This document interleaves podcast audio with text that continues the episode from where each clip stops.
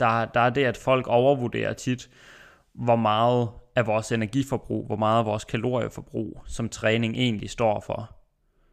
Så hvis man træner en del, så er det måske 15 til 30% af vores daglige energiforbrug, der kommer fra træning. Øh, langt størstedelen kommer fra vores øh, hvilestofskifte, altså den energi, vi bare bruger på at være i live, så at sige, og så det energiforbrug, vi bruger på daglig bevægelse, der ikke er træning, altså need. Velkommen til træningsteamen. Træningsteamen er for dig, der vil have mere viden om styrketræning og om kost. En podcast fri for bro science og quick fixes.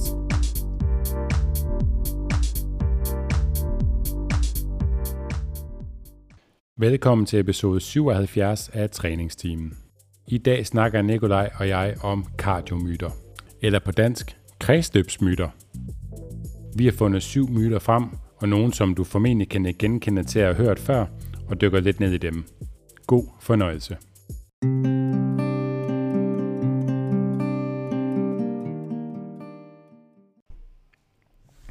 Vi er din værter, Steffen Fisker.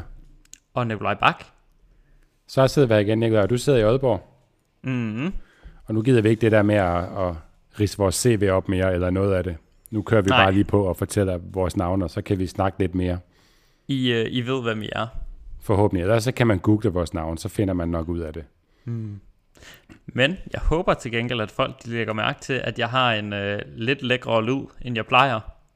Ja. Ikke, at, øh, ikke at min stemme den har ændret sig, men, øhm, men nu når vi sidder hver for sig, så har vi fået lidt bedre op, hvad hedder det, øh, optageudstyr.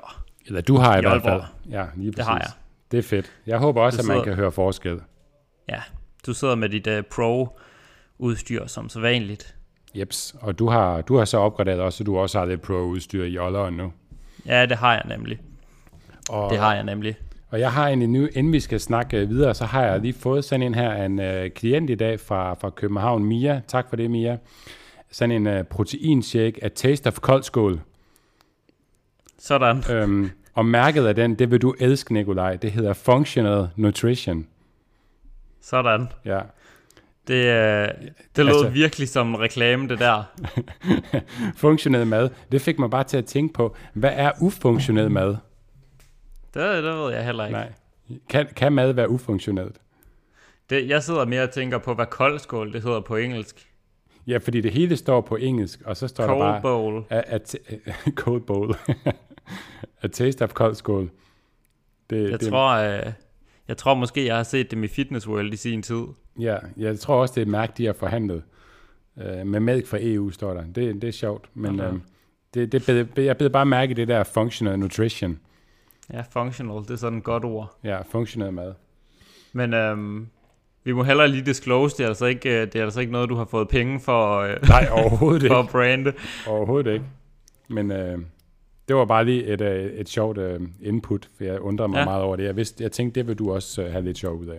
Ligesom functional træning. Ja, lige præcis.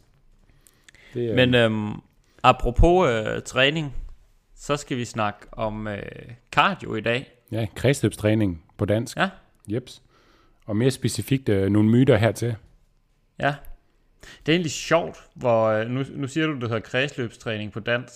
Det, det er sjældent, man nogensinde hører folk kalde det for træ, øh, kredsløbstræning. Det er Ja. altid cardio. Ja, jeg har lige været ude og lave min cardio. Ja, Ja, man siger ikke, Så- jeg har lige været ude og lave min kredsløbstræning. nej. Nej. Cardio, det betyder jo egentlig bare hjerte.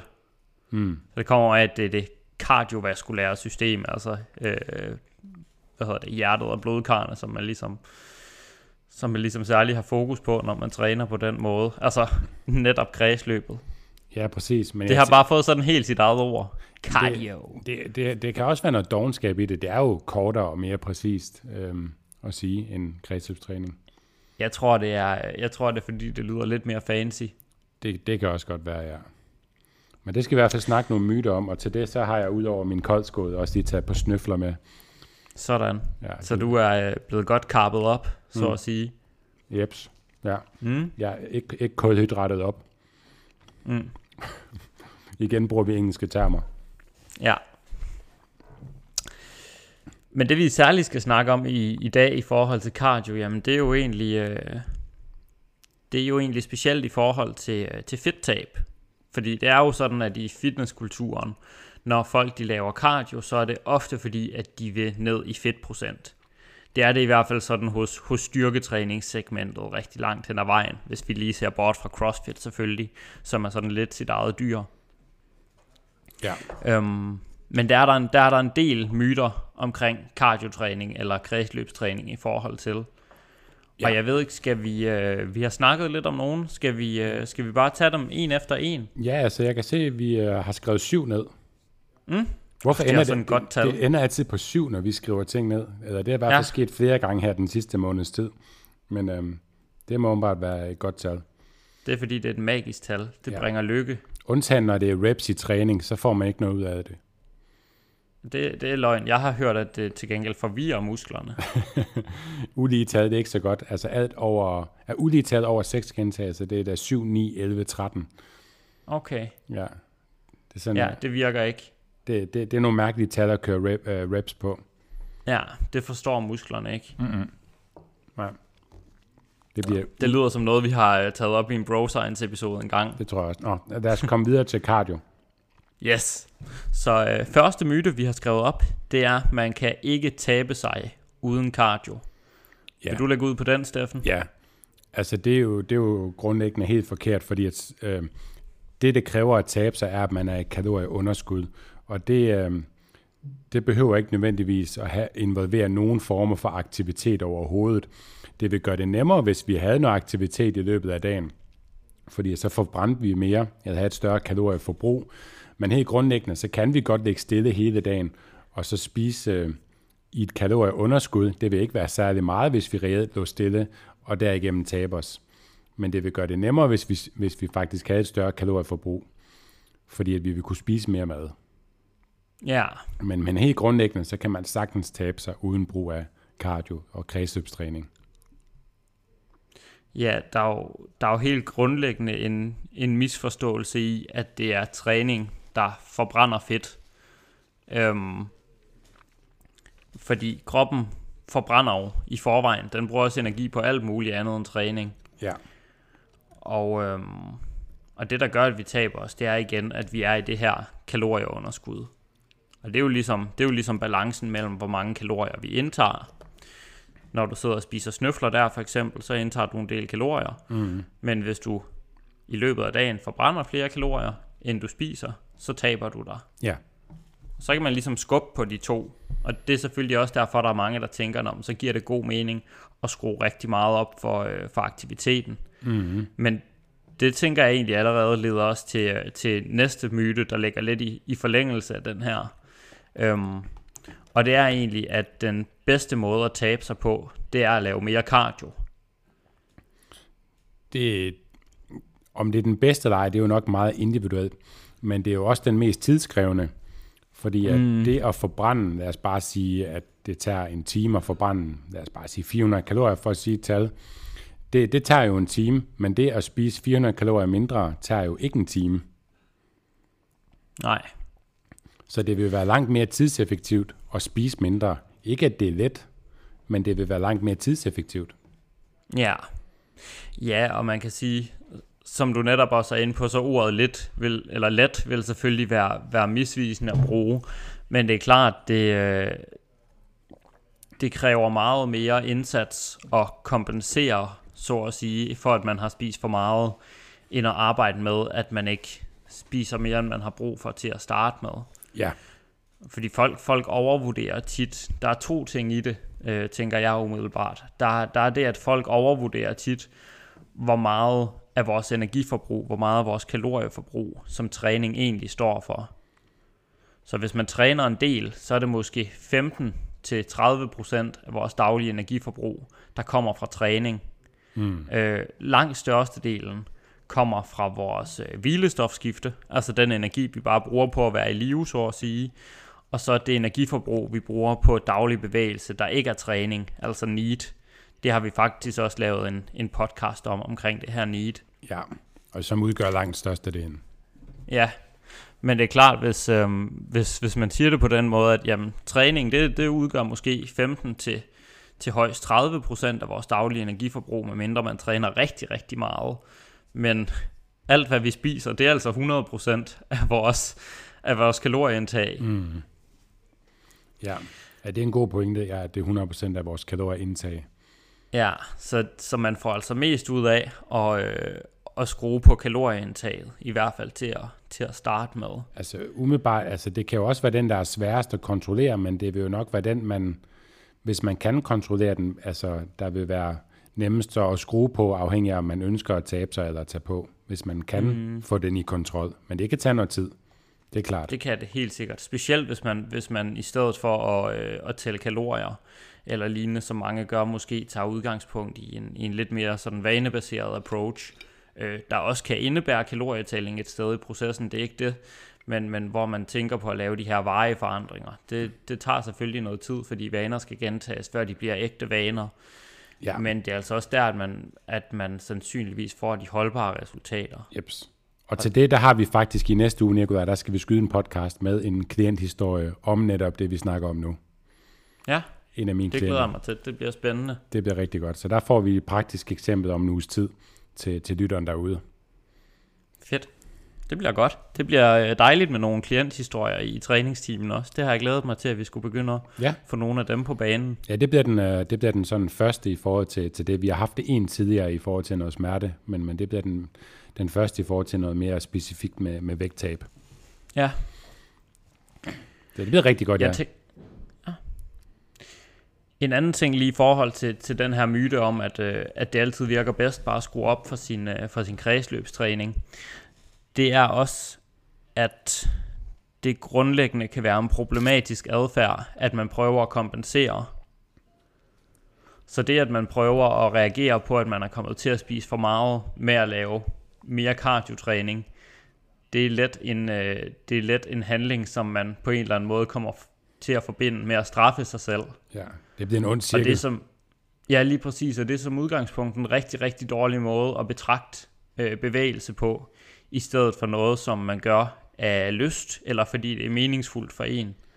Mm. At så kommer, der, så kommer der sådan en straffølelse omkring det, hvor det egentlig kommer til at høre under det, vi kalder kompensatorisk adfærd, altså hvor man ligesom prøver at kompensere for, at man har gjort noget forkert. Og når folk gør det, så ender det rigtig ofte med, at man kommer til at, at svinge sådan mellem to yderligheder, hvor man efter at have, have, have spist for meget, så kompenserer man med mere træning, så fordi det føles for, for restriktivt og for strækker, stra, hvad hedder det, strafagtigt for en, så vil man vende tilbage til at spise for meget, i stedet for mm. at finde den her sådan stabilitet, der ligger et sted imellem. Ja, ja. Ja, jamen den, er, den cirkel er jeg sikker på, at der er mange, der kan genkende til, og jeg har arbejdet med mange, der, der lige pludselig ender i den her cirkel med, at så straffer man sig selv, og måske endda også har haft tidligere coaches, hvor det ligesom bliver straffet med mere cardio, hvis de har spist for mm. meget. Ja. Og, og, og det ender jo også nogle gange ud i, at man bevidst bare spiser mere, fordi man tænker, jamen det kan jeg jo bare cardio-træne væk igen. Og det ja. bliver lige pludselig et, et, et, et, altså, en kamp mod uret, så at sige, at, at så, så spiser man lige en pizza, men der, der skal virkelig indhentes meget cardio for at kommentere, med, kommentere på den, hvis det er i rent overskud. Mm. Øhm, hvilket jo, altså, hele den her snak med, at uh, man skal løbe en time for at få brændt en sneakers uh, snak, altså det handler jo i bund og grund også om, at så skal det jo være et re, ren kalorieoverskud, man spiser i, og det er det jo ikke uh, generelt, når man spiser. Nej, der er mange, der tænker, at man kun forbrænder via træning. Ja. Men det er altså kun en meget, en meget lille del af det. Det er jo, det er jo Men, kun ved ren kalorieoverskud, det måske tager x antal øh, minutter og timer at forbrænde, hvad man har spist, øh, hvis man mm. har oversteget sit ligevægtsindtag. Ja. Det er bare lige vigtigt lige at have i mente, når man, når man laver den sammenligning. Ja, lige præcis. Men det er, der, det er der, det begynder at blive problematisk, når man netop bruger cardioen til at prøve at kompensere for det kalorieoverskud, der allerede er skabt. Og det fucked up ved det, det er jo, at det kan ende med, at man ikke kun får et, et forstyrret forhold til sin, til sin spisning, men også til, til bevægelse.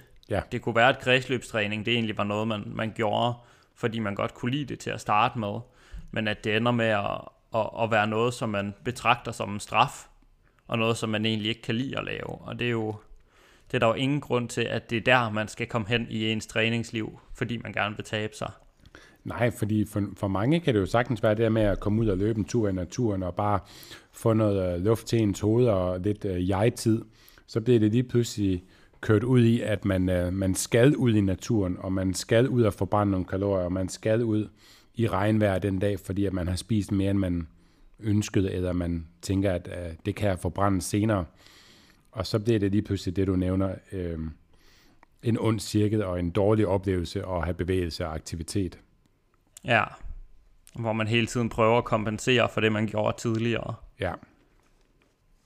Men øhm, skal vi hoppe videre til uh, punkt 3? Ja, lad os gøre det. Det er kun cardio, som forbedrer kredsløbet, ikke styrketræning. Yes. Vil du tage det? Det er jo igen lidt sådan en, øh, en form for alt eller intet tænkning. Ja. At man skal gøre det, der er, øh, der er optimalt. Fordi at, øh, jamen det er klart, øh, kredsløbstræning er det, der har den mest udtalte effekt på kredsløbet. Det er derfor, det hedder kredsløbstræning. Men, øh, men al bevægelse er altså gavnligt. Ja. Det at gå en tur har en gavnlig effekt på vores kredsløb i forhold til, hvis ikke vi gjorde det. Og det samme har styrketræning altså. Ja. Men, um, men det er jo klart, at kredsløbstræning specifikt er jo, har en større og bedre påvirkning på kredsløbet, lige så vel som styrketræning er bedre til at bygge muskler end kredsløbstræning. Ja. Selvom man også bruger musklerne i kredsløbstræning. Ja. Ja, det er klart, fordi altså, der er også forskel på en utrænet person og en person, der dyrker meget kredsløbstræning. Der vil ham, der, der eller hende, der kredsløbstræner, også have, have mere muskelmasse. Men det er klart, der, det er forskelligt, hvilke træningsformer, der har fokus på, øh, på hvad. Men hvis man sådan tænker en kredsløbsforbedring i forhold til vores sundhed, altså hjertesundhed og, og sådan noget, jamen så ser effekten, den, den gode effekt, den, kommer, den ser ud til at komme ret tidligt. Ja. Altså, hvor at bare det at, at, at gå nogle ture og bevæge sig i det daglige, det er rigtig godt at få pulsen op også. Men at bare det at bevæge sig i det hele taget, det, det gør altså langt størstedelen af sundhedseffekten. Mm. Så, øhm, ha, ha, vi, så, så. Øhm, inden episoden her, fandt vi ikke et, øh, et studie, der sammenlignede lidt omkring noget med de her body pump hold, og noget med, med styrketræning, vi lige kunne uh, smide på banen her, for at at lave en lille sammenligning imellem noget kredsløbstræning og noget styrketræning. Jo, det var egentlig lidt i forhold til energiforbruget. Ja. Så jeg tænker, øh, den, den tænker jeg måske egentlig, vi skal smide øh, på banen under en af de, under de senere myter. Ja, ja. Øhm, men ja, dem skal vi i hvert fald ind på, fordi det giver rigtig god mening at, øh, at snakke om. Yes. Så jeg tror bare tit, så kommer, man, så kommer man til at høre sådan noget med, at styrketræning, det er ikke sundt. Det giver dig bare store ufunktionelle muskler. For nu at vende tilbage til funktionalitetsbegrebet. Ja. Øhm, men det passer altså ikke. Det er rigtig sundt at bevæge sig i det hele træet, og det er også rigtig sundt at styrketræne. Ja. Ja, altså ja, det er jo også et andet, det der ufunktionelle muskel, at man bliver også øh, usmidig og stiv af at styrketræne. Ja, hvilket er ekstremt mærkeligt, at man tænker, man skulle blive stiv og ufunktionel af, øh, af at forstærke muskler og af at bevæge sig. Ja. Ja, det er der ikke noget, der indikerer. Jeg mener, nu, nu kan jeg ikke lige øh, nævne det specifikke studie, men, øh, men jeg mener i hvert fald, at Amdi, som vi har haft med herinde før, han lavede et opslag på sin øh, Instagram den anden dag, omkring, øh, om der var noget forskning på, at man blev mere stiv af styrketræner. Der, det, det var i hvert fald ikke det, konklusion var. Mm. Tværtimod faktisk ser det ud til, at man godt kan blive mere smidig af at styrketræne. Jeg tror også, det er enhver træners praktiske erfaring. At øh, det ikke er tilfældet. Yes. Det er meget sjældent, at man får en klient, der er blevet mindre bevægelig efter et forløb. Det er stort set altid den anden vej. Sådan skulle det helst Også selvom være. man har fokus på, på styrketræning. Præcis. Altså i hvert fald, hvis man primært øh, vel at mærket arbejder med fuldt bevægeudslag, så skulle man gerne blive mm. mere smidig med tiden, fordi så er det også et bevægeudslag, der, der udfordrer sig, så, som bliver længere over tid. Jeg tror, øh, jeg tror, det kalder lidt på, at vi snart skal lave en, øh, en episode om bevægelsesmyter generelt. Ja, det kunne godt være. Ja. For dem er, der, dem er der godt nok også mange Det kan være, at vi skal have Amdi med sig. Ja, eller to. Begge to. Eller begge to. Ja, ja, så bliver det vidt. Ja. ja nu har vi masser af Laver et helt roundtable. Mm. Nå, men vi skal lige have afsluttet den her episode først. Ja. Næste, næste myte, som jeg tror, der er rigtig mange, der har hørt. Det er ikke sikkert, at alle ved, at det er en myte. Det tror jeg ikke, fordi det er en påstand, man hører rigtig tit. Men det er, at man skal lave fastende cardio. Man skal lave fastende morgencardio, fordi det er mere effektivt for fedttab. Og, og fastende cardio, bare lige for at definere, hvad, det er, hvad der menes med det, det er, at man laver sin cardio-træning, altså sin kreativtræning, inden man har indtaget mad. Mm. Og typisk er det jo om morgenen. Ja. ja, så for at give et eksempel, så Steffen efter at have spist 18 snøfler, så vil han ikke være fastende. Nej, det er rigtigt. Man kan argumentere for, at du stadigvæk vil være fastende efter 2-3 snøfler, fordi du er så snøffelkonditioneret. ja. Men det, uh, jeg kan ikke rigtig finde ud af, om det var en, uh, et, et kompliment, eller hvad det var. det var det. Det var et stort kompliment, Steffen. Jeg har bare ikke hørt det term før. Nej. Det er også øh, avanceret fysiologi, vi er ude i. Men for helt normale mennesker, der betyder det at være fastet, altså at man ikke har spist. Um, og ideen med det, det er, at når man laver sin morgenkardio uden at have spist, det er klart, man kalder det morgenkardio, fordi typisk skal det jo laves om morgenen, fordi de fleste spiser op, om, op ad dagen. Øhm, men ideen er så, at så bruger vi energien fra vores fedtdepoter, fordi vi har ikke, øh, vi har ikke blodsukker og, og energidepoter, vi ellers ville, ville kunne trække på. Og derfor, fordi vi bruger fedt som energi under træning, så taber vi også mere fedt. Det er det, der er tanken bag. Ja. Øh, og det er som rigtigt nok, at når vi træner fastende, at så bruger vi i højere grad fedtsyre som energi, fordi at der ikke er, er, er andet energi tilgængeligt. Men der er ingen evidens for, at det betyder, at vi taber os mere. At vi taber mere fedt. Lige præcis. Ja. Fordi det ændrer ikke på vores kalorieunderskud. Nej. Det kan, det kan godt være, at man under træningen så forbrænder mere fedt, men det vil regulere sig selv senere hen, hvis vi siger, at man spiser det samme op ad dagen. Så hvis man i begge tilfælde også... spiser, lad os sige, 2.000 kalorier, og i det ene tilfælde har fastet cardio, og i det andet tilfælde har cardio om aftenen, så siger du, at det vil give det samme. Ja, hvis man forbrænder lige meget under de to typer cardio. Ja. Det der, det, der kan ske for nogen faktisk, det er jo så, at fordi de måske ikke er, er vant til at træne fastende, at de bliver så trætte og energiforladte, at deres træning faktisk bliver mindre effektiv, ja. og at de ikke får forbrændt så meget, som de ellers vil, hvis de ellers vil, vil have spist lidt og føle sig lidt mere friske. Mm. Øhm, og så bliver det jo faktisk lige pludselig ikke bare en, en, myte, en, hvad hedder det, en myte, der er ligegyldig, men så bliver det jo rent faktisk en, en myte, der kommer til at hæmme deres fremgang i et eller andet omfang. Ja, men, men har du, det her, det ved jeg, du har en undersøgelse på, hvor der faktisk var lavet en sammenligning i det her. Ja, øhm, der er jo flere studier, der har set på det her med, om man forbrænder mere fedt under træning, når man faster. Og det, det ser man ud til at gøre, og det giver også fysiologisk mening. Og når du øhm, siger det, så er det jo fordi, det forbrænder mere under selve træningen. Ja, Godt. lige præcis under selve træningen. Men når man så tester det, det har øh, den gode Schoenfeldt, Brad Schoenfeldt og Alan Aragon, som nogle af vores mere nørdede lyttere måske kender, øh, det har de også undersøgt i et studie, om det rent faktisk øh, giver mere fedttab på den lange bane. Og, øh, og det gjorde det altså ikke i det her studie. Og vi har heller ikke nogen sådan god fysiologisk forklaringsmodel for, at kroppen ikke selv skulle, øh, skulle regulere det på sigt. Hmm. Så det er sandsynligvis en myte, og det er i hvert fald ikke noget, der er evidens for, at man taber mere fedt hmm. af at lave øh, fastende cardio. Hmm. Og der vil altid komme de her historier, dem hører man jo især i, øh, i bodybuilding-verdenen, det her med, at det virker for mig. Men, men de prøvede jo så heller ikke andet, så man har jo ikke kunne vide, om det, at de lavede cardio på et andet tidspunkt af dagen, kunne have virket lige så godt eller bedre. Lige præcis. Altså, der er nogle... Og tit... Ja, bare snak. Øhm, ej, du må gerne lige sige færdig, ja. fordi nu kommer der en længere anekdote. Okay.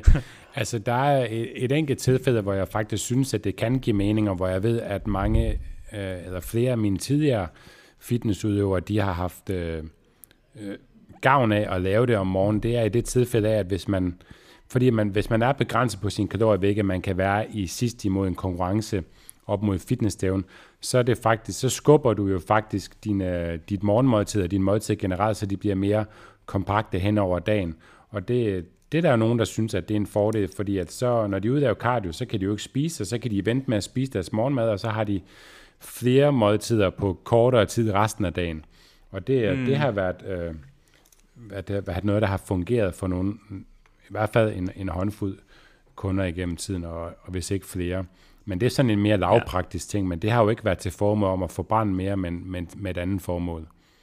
Nej, det var bare fordi, det var praktisk Ja. ja. i forhold til deres sådan samlede kaloriebalance. Jeps. Øhm, men du nævnte netop det her med, at, at man kan komme ind i sådan en, om det virkede for mig, tankegang. Mm. Øhm, og nu skal jeg prøve at gøre det kort, men jeg har sådan en lille anekdote i forhold til det. Ja. For, øh, for nogle uger siden, der køb, købte jeg en øh, skægtrimmer. Fordi jeg skulle ligesom have, have rettet mit skæg lidt til. Mm. Um, og det var sådan en smart en, hvor der var en støvsugerfunktion i. Um, sådan at de her små hår, der bliver barberet af, dem suger den ligesom til sig. Ja. Så det var rigtig fint. Og da mit skæg det begyndte at sådan blive lidt for langt, og så sådan en lille smule usøjneret og sådan noget ud, så sagde min kæreste, okay Nikolaj, nu skal du til at, barbere dit skæg. Så det gjorde jeg. Um, og jeg kommer, jeg kommer ud igen, og jeg kan se, okay, jeg synes egentlig ikke, det har taget så meget af i forhold til, at jeg satte den på 3,5 mm eller sådan noget. Jeg synes stadigvæk, der var en del skæg. Men altså, okay, jeg kunne godt se, der var blevet tyndet ud i det, og det så sgu egentlig bedre ud. Og jeg var sådan, hey skat, ser mit skæg ikke bedre ud? Det er blevet meget mere sådan soigneret og flot nu, ikke også? Så, jo, det gav hun sådan en vis bekræftelse til, uden at være sådan utvetydig enig. um, men det gentog sig så et par gange, at jeg ligesom fik, øh, fik klippet mit skæg, og det så egentlig rigtig, rigtig fint ud. øhm, indtil jeg et par uger senere bemærker, at jeg har ikke sat skæret i den her barbermaskine. Så der var ikke nogen knive. Det eneste, jeg har gjort sådan tre gange i træk, hvor jeg troede, jeg barberede mit skæg, det var, at jeg stod bare sådan og støvsugede det ude foran spejlet. og, og, og, han og friserede det på en eller anden måde. og alligevel havde jeg en fornemmelse af, at det ligesom blev kortere og tyndet ud i, fordi det var det, jeg forventede. Mm. Så det var en, øh, Ja, fordi det var... det var en, Ja, en det var- lille anekdotisk måde at fortælle på, hvordan vi ofte ser de ting, som vi forventer at se. Ja, som vi gerne ville se. Ja, Ja. Ja, det, det var en rigtig god anekdote. Det var ikke så lang, det var god. Jeg, kan- jeg kan huske, Ah, du har fortalt godt. den før, det er skide sjovt. ja det kan godt være, at jeg fortalte den på et trænermøde, hvor jeg sad og grinede rigtig meget af mig egentlig. Ja. Ja. Det tror jeg. Men der havde du også fået den til at virke der, så der, der havde du soigneret skæg. Ja, så, så måtte man gerne grine af mig igen. Ja. Steffen, vil du, øh, vil du tage næste myte? ja. Cardio æder muskelmassen. Uh-oh. He did cardio. He lost all his gains. Ja, vi snakkede jo lidt om den, inden vi øh, begyndte at optage her, lige for at høre øh, hinandens mening om det, og vi kan jo sammenligne lidt med yderpoderne, og, øh, så der har vi jo øh, den øh, bodybuilderen og styrkeløften i, øh, styrkeløfteren i den ene kategori, og så har vi jo øh, så har vi jo maratonløber i den, i den anden, og maratonløberen er jo aldrig buff, og bodybuilderen og styrkeløfteren er tit ret buff. Men derimellem så ligger der jo også øh, en dygtig crossfitter, og der ser man jo tydeligt en, der laver rigtig meget cardio og er i rigtig god form, kombineret med, at de er stærke og har en hel del muskelmasse. Og hvis man mm. ikke har set nogen crossfitter, så kan man i hvert fald se det på Netflix, og så se nogle af de her fra CrossFit Games. De er seriøst buff, mange af dem. Og, Ja. og virkelig kan præstere på kredsløbstræning også. Ja. Så det er klart, at hvis man ser på en, en, en maratonløber, så er de øh, ikke vanvittigt muskuløse. De er faktisk rigtig, rigtig tynde ofte. Øhm, men det handler jo ikke kun om, at cardio i store mængder kan have en negativ effekt på muskelmassen. Det kan det også i store mængder. Men for deres vedkommende handler det jo også rigtig meget om, hvordan de prioriterer deres træning. Ja. Fordi at når, når at, at maratontræningen, når løbetræningen fylder så meget, så er det også klart, så er der ikke plads til den samme mængde styrketræning, mm. som der vil være for en anden person. Nej. Så i, i rigtig stort omfang er det også, altså, handler det jo også bare om prioritering. Altså, hvor meget af sin restitution man vil bruge på muskelopbygning gennem styrketræning, og hvor meget man ligesom vil bruge på øh, kredsløbstræning. Ja, præcis. Og det er jo ikke engang sikkert, at maratonløber styrketræner sig meget. Jeg tror nu nok, de Mhm. bedste i verden, de laver en lille smule, men det er jo i hvert fald meget begrænset. Ja, Ja, Så jeg tror bare, man, man hører det ofte fra sådan ganske almindelige motionister, der er styrketræner på hobbybasis, hvor de, hvor de er sådan lidt halvbange for at lave, øh, for at lave kredsløbstræning, mm, selvom de egentlig godt kan lide det. Ja, og det er synd. Og der, der synes jeg, det bliver problematisk. Ja, det, øh, det giver dig helt ret i. Og, og lige et, et andet øh, sidespor til den her, det er, at jeg har også hørt nogle flere øh, andre podcast-episoder og flere interviews med nogle rigtig dygtige styrkeløfter i gamet, i nogle af de store vægtklasser, hvor de faktisk siger, at de i deres off-season, altså ikke i konkurrenceperioder, er tyndest, fordi de har mere cardio og, og andet bevægelse i deres træning. Så bliver de tyndere, fordi at, øh, de laver mere af det og har mere øh, energiforbrug. Men det er også med til at øge deres arbejdskapacitet, hvilket gør, at de generelt kan løfte øh, mere vægt, altså have en højere volumen i deres træning, og derigennem blive stærkere og så kan de op mod øh, en konkurrence eller et stævne skære ned på cardioen for at blive en lille smule tungere og derigennem en lille smule stærkere. Så, så, så, det, så det er noget, man ser også i, i performance-delen i styrketræning. Mm. Jeg tror også noget af det, man skal være, være opmærksom på, specielt hvis man ikke sådan er en avanceret atlet på højt niveau, men altså den ganske almindelig motionist, øh, og det er langt de fleste, at så forbedrer øh, kredsløbstræning altså også nogle ting, som sandsynligvis har en effekt på styrketræning. Det kunne man i hvert fald godt argumentere for, at det, at man får oparbejdet sine energisystemer øh, og forbedret sin arbejdskapacitet, at det rent faktisk også gør, at man kan holde til lidt mere styrketræning. Og også når de her energisystemer de bliver forbedret, så kan det også godt være, at det har en, en eller anden effekt på øh, næringstilførsel. Mm. Hvad hedder det? Næringstilførselen til vores muskler for eksempel. Ja. ja. Så, så det er altså ikke helt så sort-hvidt. Nej. Um, så er der et andet lavpraktisk element, altså hvor fedt er det at være super stærk og super buff som en bodybuilder eller en styrkeløfter, men blive forpustet hver eneste gang, man skal op på første sal og gå op ad lidt trapper. Ja. Altså det, det er måske ikke det fedeste. Så, så indikerer man jo ikke, at man er meget trænet i sådan en periode, i, i min optik i hvert fald.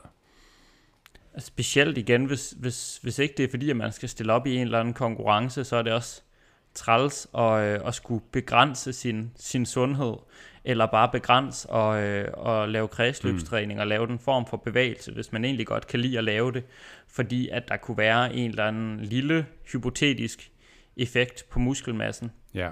Det er klart, hvis man laver rigtig meget cardio, så vil der være en effekt, både fordi at det ligesom har nogle modsatrettede øh, tilpasninger i forhold til styrketræning, men også fordi det bare optager noget plads, som vi ellers kunne have brugt på styrketræning i vores restitution. Mm. Men der kan sagtens være plads til cardio, og den der med, at lige så snart man, man laver cardio, så æder det muskelmassen. Det, øh, det er der altså ikke evidens for, og det giver, det giver meget dårlig mening. Ja, så den her grænse mellem hvad er for meget, den er jo selvfølgelig super, super individuelt, men, men det handler om i meget, altså i høj stil om ligesom så meget andet, at man, skal jo ikke bare lige pludselig begynde at løbe 50 km om ugen, og så bare smide en masse cardio ind. Altså, du bliver nødt til at kunne restituere fra det, og hvad prioriterer du højst? Hvis du gerne vil blive uh, muskuløs eller rigtig stærk, så skal cardio jo ikke fylde 50% af din træning. Så mm-hmm. det, der skal jo være et, et fornuftigt match mellem de to ting, og det skal jo introduceres løbende, fordi det er jo klart, at hvis jeg i næste uge begynder at løbe 50 km om ugen, altså så har jeg ikke energi eller noget andet til at passe min styrketræning. Men altså, hvis jeg lige roer 1000 meter eller sådan noget, det er jo ikke noget, der koster noget på min styrketræning, forhåbentlig. Nej, og på sigt kan det være, at det har en lille positiv effekt. Absolut. Fordi at, at, at det over tid hjælper med din arbejdskapacitet. Absolut, og det... Og, øh, og holder dig sund og rask også. Ja, det, det er også vigtigt at træne kredsløb, øh, kredsløbet i forhold til sundhed. Mm. Men det gør man jo også igennem styrketræning, men det kan absolut også være sundt at gøre det igennem specifik øh, kredsløbstræning. Ja, man, man behøver ikke at være så sort-hvid i forhold til sin træningsform i hvert fald. Nej. Det leder os nok lidt hen til øh, næste myte faktisk, ja. som er sådan lidt en styrketræningsmyte og lidt en kardiomyte, fordi den ligger sådan i gråzonen mellem de to. Mm. Um, og det er, at øh, høje reps, altså mange gentagelser, de smelter fedtet.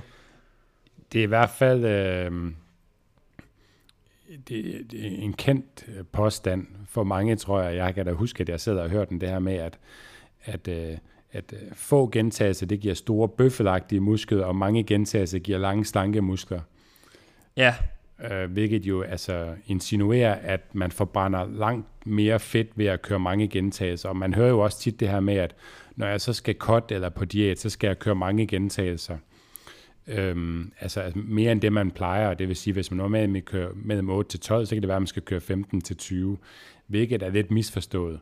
Øh, det er jo klart, at det har jo formentlig en lille bitte effekt, det og altså, lad os an, altså helt konkret, det at køre 20 gentagelser kontra 12 gentagelser, forbruger jo mere energi, fordi det tager længere tid under, altså under aktiviteten at udføre de 20 gentagelser.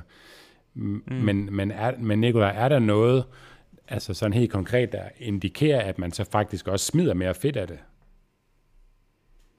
Nej, igen, altså vi er jo tilbage til, at for det første, så udgør træning, al træning egentlig, en relativt lille del af vores samlede energiindtag.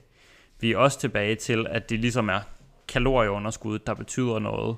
Så det, at folk de begynder at lave 50 mavebøjninger, det er altid mavebøjninger eller mavetræning. Man ser folk lave sådan super mange reps i, mm. fordi de tænker, det, det smelter mavefedtet. Ja, det gør det ikke. Um, men nej, det er altså ikke det, er altså ikke det der, gør, der gør forskellen. Så det er klart, træning med rigtig høj volumen, altså det, at man laver, man laver mere træning i alt, det vil selvfølgelig medføre et lidt højere kalorieforbrug. Øhm, men hvis man ser på sådan, der er lavet nogle studier, der har sammenlignet sådan konventionel styrketræning med 8 gentagelser per sæt, med sådan noget, man kalder body pump i de her studier, altså sådan noget træning med, med ret høje gentagelser. Og der, øh, der ser der altså ikke ud til at være nogen, nogen nævneværdig forskel på både energiforbruget under træning, sådan per minut, eller energiforbruget øh, i det hele taget. Det er jo en, sådan på, på dagsbasis. Det er jo interessant, at det både er i selve træning, synes jeg, men også altså selvfølgelig hele dagen. Men, øh, mm. men man kan jo godt have en følelse og en fornemmelse af, at kører man så mange gentagelser og er på sådan et hold, sådan en bodypump hold, og man bare smadrer gentagelser, der er høj, man føler, at der er høj intensitet, at det må forbrænde mere, men det, men det ser umiddelbart ikke sådan ud nødvendigvis. Og igen, der er, der er selvfølgelig mange sådan kontekster, man kan tage højde for. Øhm, hvor meget man presser sig på de her sæt, øh, et cetera, et cetera. Men det, det er også bare for at sige, at den der forskel, som folk ofte bilder sig ind, der er i, øh, i fedtforbrænding mellem lave gentagelser og høje gentagelser, den er sandsynligt ikke så stor, som, som man tror. Ja. Og det giver heller ikke mening, at fordi at man vil til at, at ned i fedtprocent, at man så lægger sin styrketræning sådan fuldstændig radikalt om, mm. og går fra at lave måske 6-8 gentagelser, til at lave øh, 30-40 gentagelser. Mm, absolut ikke. Jeg, jeg plejer at sige det sådan, ja. at, at den måde, man har opbygget sin muskelmasse på, er også den måde, man bør vedligeholde den på. Fordi den måde, mm. man bedst opbygger den på, er også den måde, du bedst vedligeholder den på. Ja, og det at vedligeholde muskelmassen er jo ret vigtigt under et fedttab. Det er da super vigtigt. Og hvis man, hvis man rent faktisk først har opbygget en høj muskelmasse, hvilket tager lang tid, men når man har gjort det, så, øh, så det i sig selv er jo også noget af det, der sikrer, at man har et højt energiforbrug. Primært under træning. Det betyder ikke så meget i, i sådan hvile, men, øhm, men vi bevæger os jo også i løbet af dagen. Ja. Så under træning og under øvrig bevægelse betyder det, at man har noget muskelmasse rent faktisk noget. Så derfor vil man jo også gerne blive ved med at beholde det. Mm. Både fordi store, stærke muskler er nice, og det er rart at kunne flytte rundt på ting, men, øh, men også bare fordi, at, at det gør, at man har lidt højere kalorieforbrug. Og det er jo det, vi hele tiden vender tilbage til, at, at øh, fedtprocent og fedttab, det handler om. Ja. Det er jo også lidt træls at miste noget sådan relativt nemt, som man har brugt så lang tid på at opbygge. Man har opbygget det af en årsag. Ja. Øhm, men jeg tænker, at vi kan hoppe til sidste punkt nu, som er, at man skal lave cardio i fedtforbrændingszonen. Ja. Hvad er fedtforbrændingszonen? Jamen, fedtforbrændingszonen, det er jo sådan en... Øh...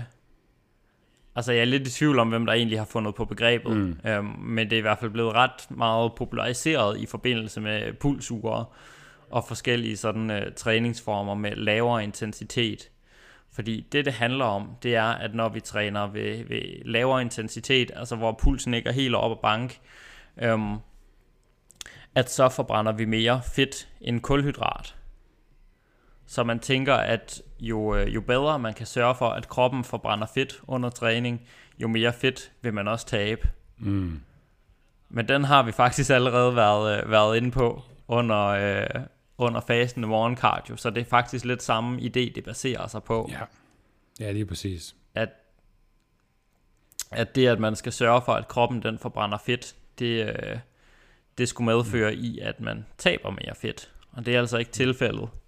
Problemet er faktisk her, at når man siger, at man skal holde sig til fedtforbrændingszonen, at så er det typisk, det vil typisk betyde, at man ikke skal træne så hårdt, som man måske ellers ville. Mm. Til gengæld skal fordi man jo så jo, træne længere jo. Ja, det vil man nemlig skulle, fordi ens træning bliver ikke lige så effektiv, per tid i hvert fald. Ja. Um, fordi jo højere op man kommer i intensitet, jo mere kulhydrat mm. vil man også forbruge samtidig med, at man også bruger energi ja. fra fedtsyre. Så et praktisk eksempel, hvis man har 20 minutter, og man kører det i den her såkaldte fedtforbrændingszone, som er, er mere lavintens, så, mm. så får man jo mindre ud af det, end hvis man giver væsentligt mere gas i 20 minutter, fordi at det forbruger man bare mere energi på. Det vil sige, for at kompensere ja. for det, så skal det mere lavintense træning i, fe, øh, i fedtforbrændingszonen jo bare være længere, bare længere tid. Mm. Ja, og det er jo klart, som vi også har sagt mange gange, så den bedste form for træning, det er jo, det er jo den, man rent faktisk får lavet, og man skal vælge den form, den træningsform, som man godt kan lide. Men det, der er vigtigt, det er bare, at man ikke begynder at begrænse sig, fordi man lige pludselig tror, at øh, når, hvis jeg træner for hårdt, så taber jeg ikke fedt. Altså, hvis jeg presser mig for meget, så kommer jeg ud af den her zone, og så taber jeg mig ikke længere. Det er noget, det er noget, det er noget vrøvl. Ja, det var lige mine ord. Ja. Det, øh, det, men, det er i hvert fald synd, så det, at, det, at det ender der. Ja. Men øhm, så er det måske lige før, at øh, vi skal slutte den her. Ja, det tænker jeg, vi kommer meget godt igennem. Ja, og vi har endda fået øh, inspiration til et par nye episoder undervejs. Ja, men... Det var ikke helt dårligt. Nej, det var noget, noget bevægelsesmyter. Ja. Og så kan... Hvor mange snøfler fik du øh, spist undervejs? Ej, jeg tog kun to med herop, og så har jeg fået en, øh, en koldskåls, øh, funktionel koldskål. Cold bowl. Yes, en cold, functional cold bowl. Ja. Øh. Jeg så et øh, jeg så et klip i øh, og jeg tror det var fra P3 den anden dag, men hvor de skulle øh, læse engelske eller danske udtryk op, som de havde hørt dem på engelsk. Mm. Hvor der var en der havde hørt det som øh, Altså hun vidste ikke, hvad koldskål med kammerjunker det hed på engelsk. Så hun havde kaldt, kaldt det cold bowl with jamba junks. jamba junks. Og der var en, der havde kaldt sin, sin gravhund for en dick dog. dengang, uh, dengang jeg var lille, der, der, der, der tror jeg, min far han forbidt mig ind, at, uh, at det ikke hed kammerjunker, men det hed jammerklunker. så det kaldte jeg det. Åh, oh, det er genialt. Ja. Sådan. Så det var kold... Du er aldrig kommet der helt siden. Nej, så det kalder jeg det stadigvæk i ny og koldskål med jammerklunker. Ja, sådan. Lad os stoppe uh, episoden Skal med vi, det her. Uh, ja, så kan vi uh, hygge snakke videre bagefter, men det tror jeg ikke, det er... Uh, det er ikke noget, lytterne de skal belemme os Nej, med. Vi, uh, vi... Tak fordi I lyttede ja, med. tak for i dag. Og det var så afslutningen på denne episode. Hvis du gerne vil læse mere om træningstimen og om det enkelte afsnit, så kan du klikke ind på træningsteamen.dk. Og hvis du har spørgsmål til den enkelte episode, eller har forslag til emner, vi kan tage op i en fremtidig episode, så har vi oprettet en Facebook-gruppe, som du kan tilmelde dig. Facebook-gruppen hedder Træningsteamen, og jeg håber, at du vil være med. Og hvis du kunne lide den her episode og gerne vil have flere episoder fra os, så vil vi sætte stor pris på en god anmeldelse i din podcast-app. For det er ingen hemmelighed, at vi laver den her episode for netop dig derude, og vi tjener faktisk rigtig lidt penge ved at lave podcast. Faktisk ingen penge. Så måden du kan hjælpe os på er ved at dele vores podcast og anmelde den, så vi kan få vores podcast ud til så mange som muligt og forhåbentlig hjælpe dem. Og det er netop derfor, vi gør det her. Hvis du gerne vil læse mere om Fisker Performance og hvad vi ellers foretager os, så kan du følge os på både Facebook og på Instagram under navnet Fisker Performance. Og så er der vist ikke andet end at sige tak fordi du lyttede med. Vi høres ved.